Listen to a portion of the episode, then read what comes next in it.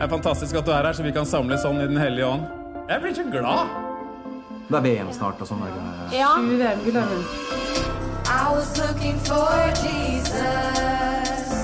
Du har fått alle korta. Du må bare spille det riktig, da. Her sitter vi i vårt studio, Marte Stapnes og Kjetil Lismoen, og mye har skjedd siden sist. Blant annet har en ny norsk film overrasket oss med en uvanlig skildring av den kristne grasrota i Norge. Jeg tenker da på Jorunn Myklebust Syversens 'Disko', som har gått halvannen uke på kino. Men vi skal også se nærmere på en serie som også vi har lagt vår elsk på, nemlig Netflix-dramaet 'Unbelievable'. Men først til 'Disko'. Jorunn Myklebust Syversen debuterte lovende med spillefilmen 'Hoggern' i 2017, en forfriskende skildring av et stykke Bygde-Norge. I denne vanskelige andrefilmen, som det gjerne kalles, viser hun også et stykke Norge vi ikke har sett på film før.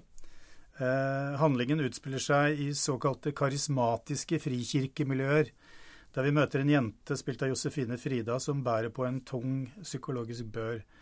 Jeg må innrømme, Marte, at jeg hadde lite kjennskap til disse miljøene før jeg så filmen, eh, og måtte lese meg litt opp etterpå. Altså, Hva med deg? Eh, Var dette et eh, på en måte, Følte du deg som en turist? Eh, I veldig stor grad. Det er jo to miljøer her jeg ikke kan noen verdens ting om. Diskodansen og alle paljettene og eh, de religiøse miljøene. Og jeg snakka med min far om det her, som er fra Altså Bare for å presisere freestyle diskodansing. Freestyle diskodansing. Altså ikke vanlig diskodansing, for det har du jo vært borti. nei, ikke Nei, ok. gammeldags. Oh, nei, ok. Eh, Men som trønder så er jo det minst religiøse eh, som finnes, kanskje. Så jeg syns jo det er eksotisk bare å gå i en vanlig julegudstjeneste. Mm. Så den frikirkebiten her er eh, dypt eh, fascinerende. Men ja, jeg har måttet ha tenkt veldig mye på hva er det som er ment å representere alle frikirkemiljø, og hva er det som er ment å skulle se ut som det bare skjer her. Mm.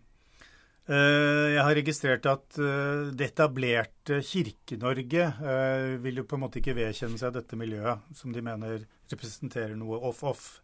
Den norske kirken i hvert fall. Men jeg syns jo det var veldig interessant.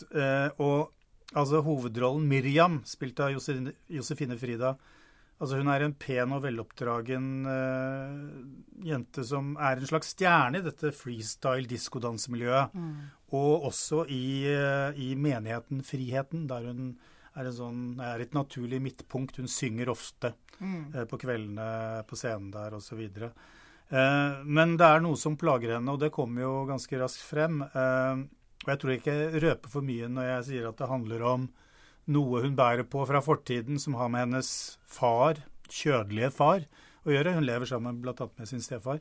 Eh, og et, et, et mulig overgrep. Eh, og dette er noe på en måte urovekkende. Eh, hva kan vi si om denne miksen av et veldig positivistisk, eh, karismatisk kristelig miljø og dette tunge som hun bærer på? Det er liksom de to eh, Det er denne balansen da som vi møter på i starten.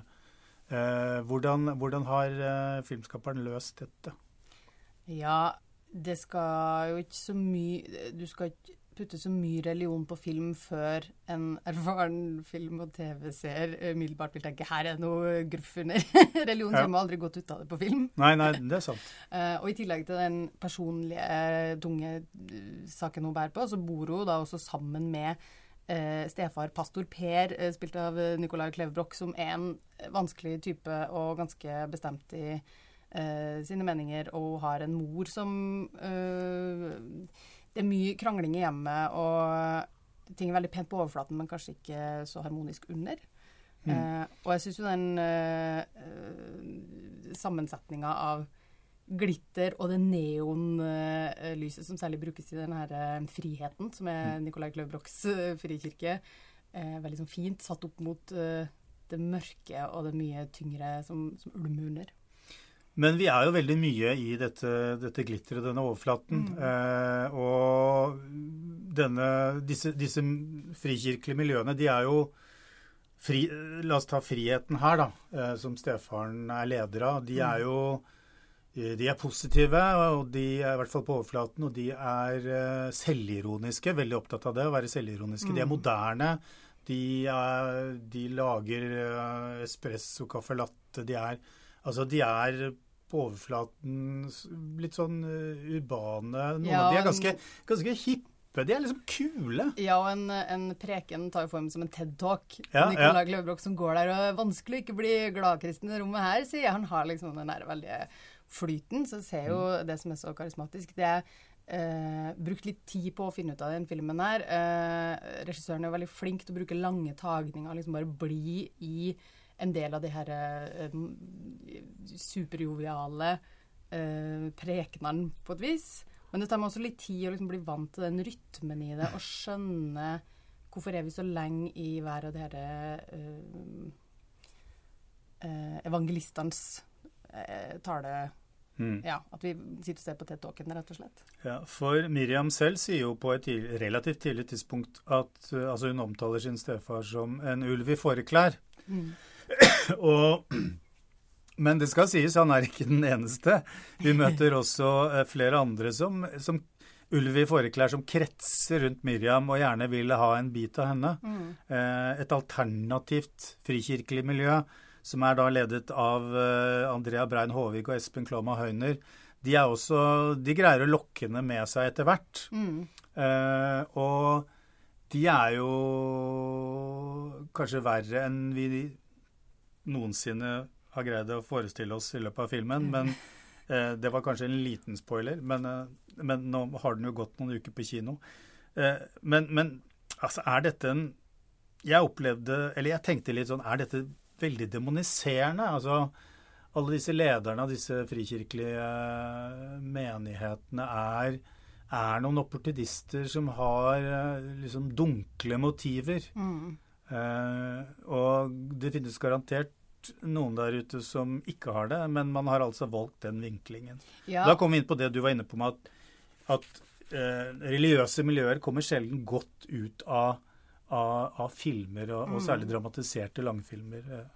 Ja, det som er uh, fiffig her med den her neonreligionen, er jo Vi har jo da for ikke så veldig lenge siden sett uh, Joakim Triers 'Thelma'. Uh, Thea Wistendal hadde en veldig kul kortfilm i Grimstad i år, 'Satans barn', som også har veldig denne her uh, Se så vakre og lykkelige og uh, vellykka folk vi er som samles. Fyll hjertet ditt med Jesus, og så er det så mye sånn deilig gruff under. Um, men for meg som da ikke har noe forhold til religion annet enn og nylig også Aretha Franklin-filmen 'Amazing Grace'. Det er liksom eh, mitt inntrykk av religion. Det var din religiøse opplevelse, tenker jeg. ja, sant. Kirka er et konsertrom. Her er alle glade, vi klapper med, vi reiser oss. Vi, eh, alt er bare positivt. Mm.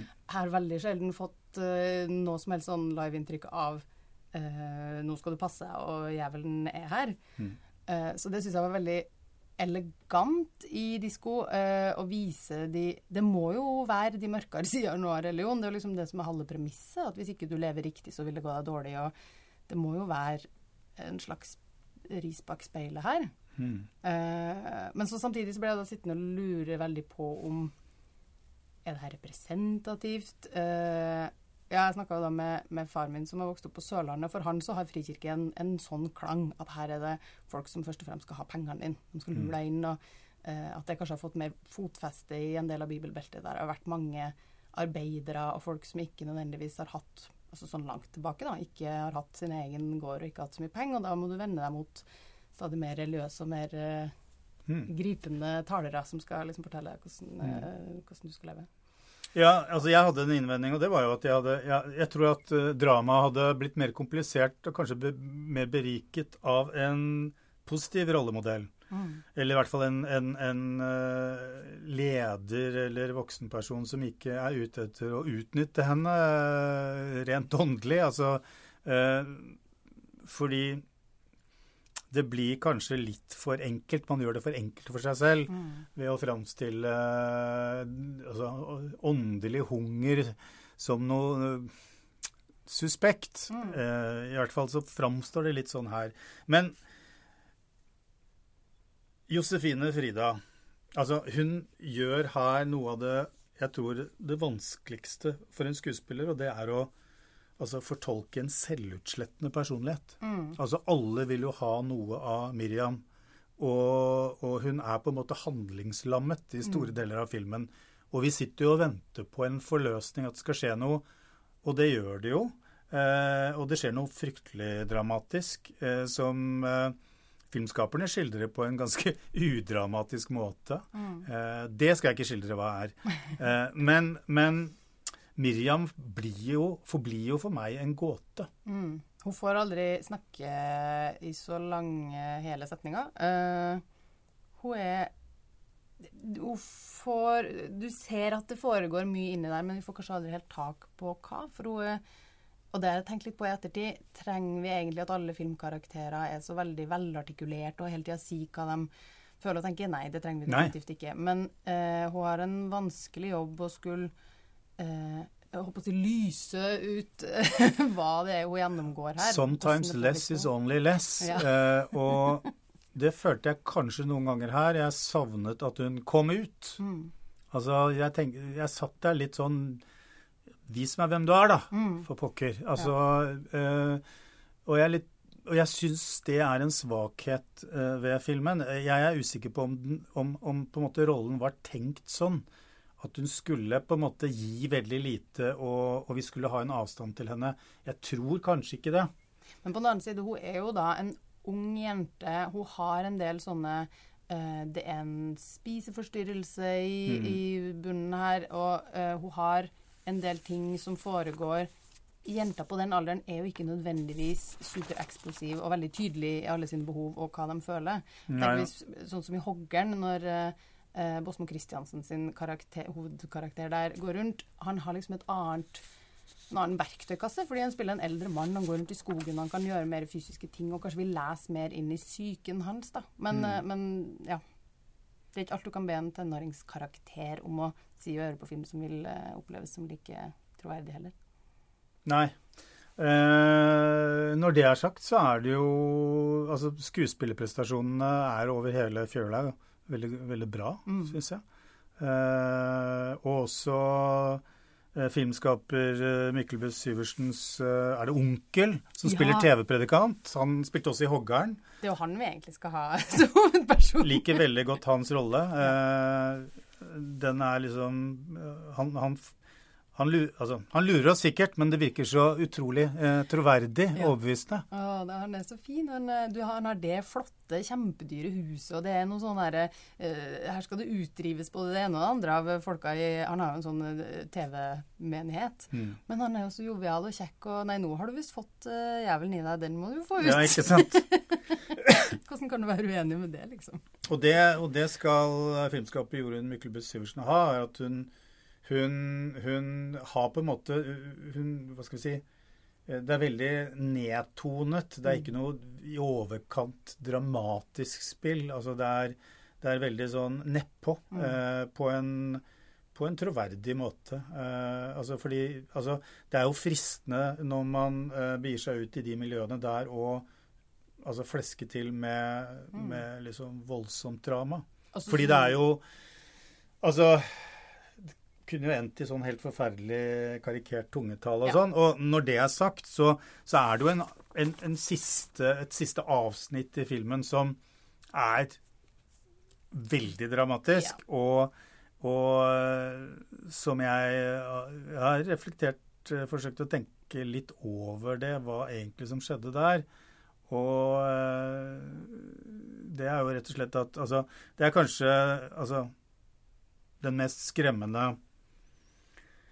horrordelen eh, i noen film siden altså, siden denne siden av 'Midtsommer'. Jeg vet ikke. Eh, det, er, ja, ja, altså, det er en sånn ekskursjon ut til uh, vakker skandinavisk natur hvor uh, Miriam er tatt med av uh, disse ulvene i forklær. Da, Andrea Brein Håvig og Espen Klåman Høyner. Og alt ser jo tilsynelatende så, eh, så Vakkert ungdomsleir. ja, ja, ja. Og, og Andrea Brein Håvig er jo så herlig En herlig ulv i forklær. Mm. Altså. Det er hun som vinner hele filmhøsten med eh, barn og disko og håp, som jeg ikke har sett ennå, men alle Ja. de her sånn superkorte titlene. Eh, ja. Men jeg vil også si at det jeg syns de som har laga filmen og fått den ut, gjør kjempebra, er jo det å klare å lage en, eh, en setting rundt og lage en diskusjon rundt det. Eh, fordi tematikken her blir såpass viktig, og de har hatt masse arrangement med paneldebatter Mm. og folk som snakker om det å ha brutt ut av religiøse miljøer og sånn. Så de, det her syns jeg norsk film for øvrig har blitt veldig god på, å, å sette dagsorden. Eh, og så kan vi diskutere om sånn rent filmatisk om den eh, lykkes på alle plan, men jeg syns jo at den eh, har liksom Sosialmedisinsk eh, så er det toppkarakter. Filmkunstnerisk eh, relativt eh, bra standard, eh, Ja, men eh, Lovende videre for Ikke sant? Også, ja. Mm. Unnskyld. Ja, overgrep er jo også noe som står sentralt i den amerikanske dramaserien Unbelievable, som jo svært mange har fått sett, og den har fått veldig gode kritikker. Eh, og den var jo lenge sånn Har du ikke sett den, ikke sant? Det var det du fikk høre på, på fester du var på. Eh, nå har den gått i en måneds tid. Eh, den er basert på en sak fra virkelighetens USA, der en serievoldtektsmann fikk herje ganske fritt i en rekke stater i USA ved å utnytte dårlig koordinert politiarbeid, for å si det på en litt sånn eh, banal måte. Eh, kort fortalt så etterlater han få spor, og vi følger isteden ofrene og to kvinnelige politietterforskeres frustrerende jakt på ham. Eh, vi har jo sett dette før. Eh, men det som er annerledes er, og utgjør hele forskjellen, er selvfølgelig at etterforskerne er kvinner.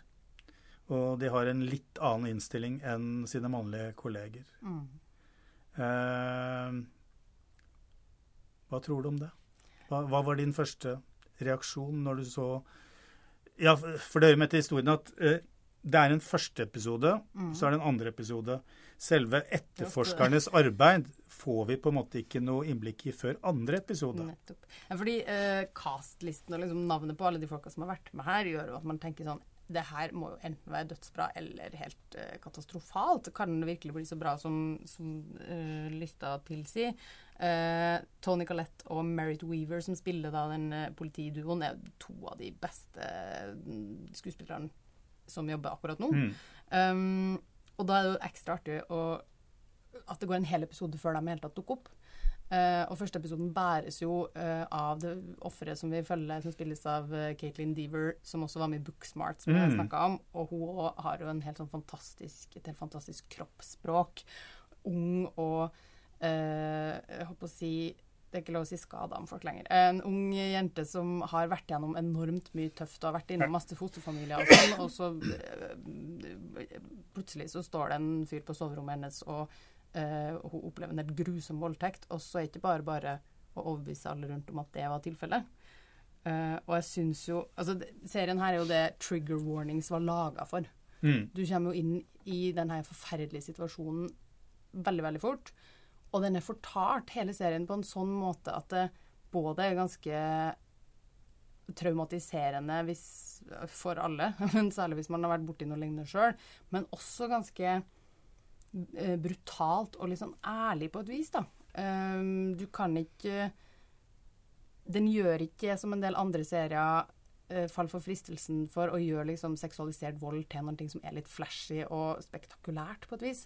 Her syns jeg at de gjør det på en mye mer elegant måte. og det er ikke at det er så grafisk, men det er også ganske Det er klipt på en uh, sånn måte at det, det kan komme litt sånn hardt på. Brått på. Ja.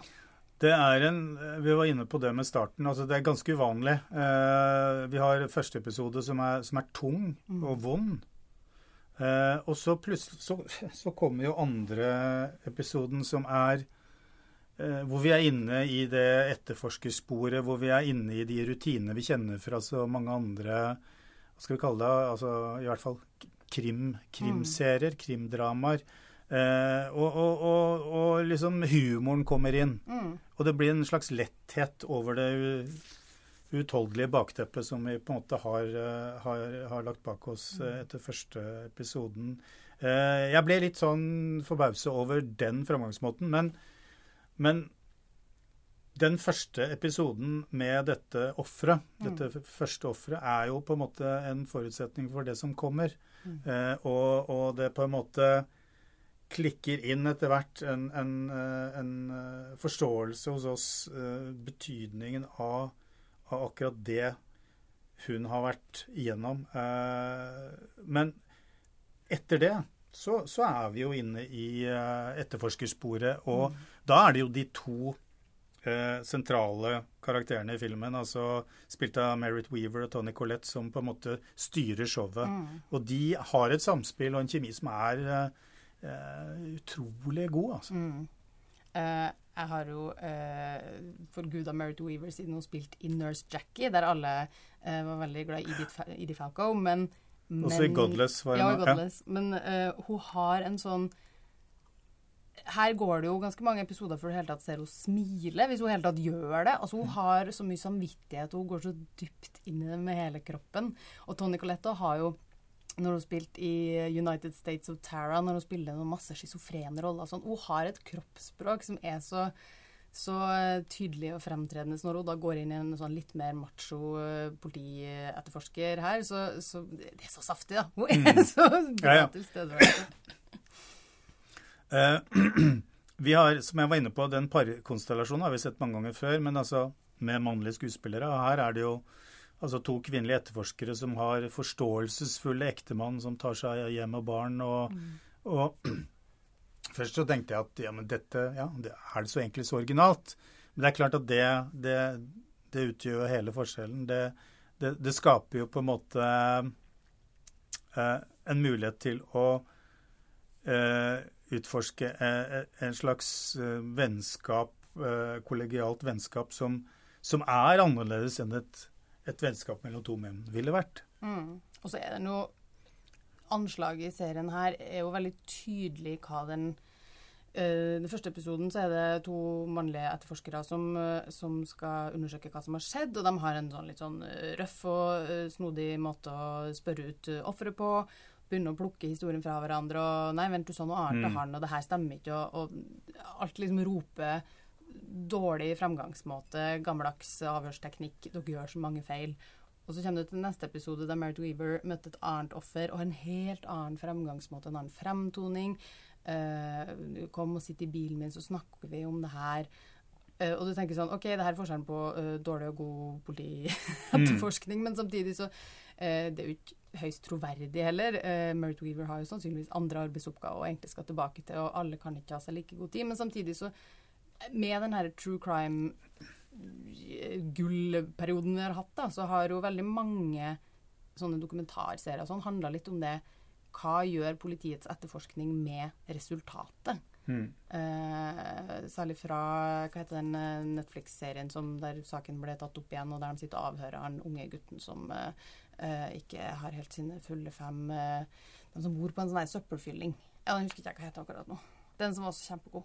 Beklager. Ja. Nå står det helt stille. Ja, jeg skal si om litt. Men i hvert fall, eh, der er jo eh, litt av saken at når du da kan se avhøreren, så, så er det liksom åpenbart for alle oss andre at ja, men du kan jo ikke sitte og avhøre en 16-åring som ikke er helt mentalt til stede på den måten uten den andre i rommet. og Det ble så mye kritikk av det etterpå. da. Selvfølgelig lo litt at den serien her er en slags kommentar på det òg. Men, men det er jo et tema i, i serien. Eh, absolutt. Altså slett eh, politihåndverk og, og manglende selvfølgelig forståelse for hva et offer eh, Altså et offers psykologi. Mm, og sånn systemiske problem, da. For det, jo ikke, det kan jo ikke være opp til hver enkelt politimann hvordan de etterforsker noen ting. Det må jo være en, en fast idé, Og særlig ja, og så, og så tar de jo på en måte rotta på den der forestillingen om at uh, altså vi har jo gjennom tusenvis av avhør, avhørsscener i amerikanske krimserier, så har vi lært at hvis man greier å finne et avvik i, eh, i eh, på en måte forklaringen, så er det et eller annet som ikke stemmer.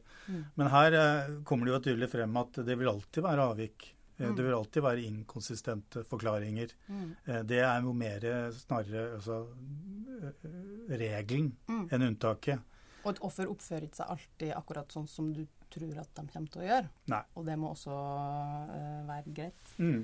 Men alt der høres ut som det er liksom det tematiske som er det mest interessante. Men for meg så er det egentlig det fortellertekniske og eh, en ganske sånn økonomisk måte å fortelle historien på. Du har ikke masse folk som sitter og snakker med hverandre.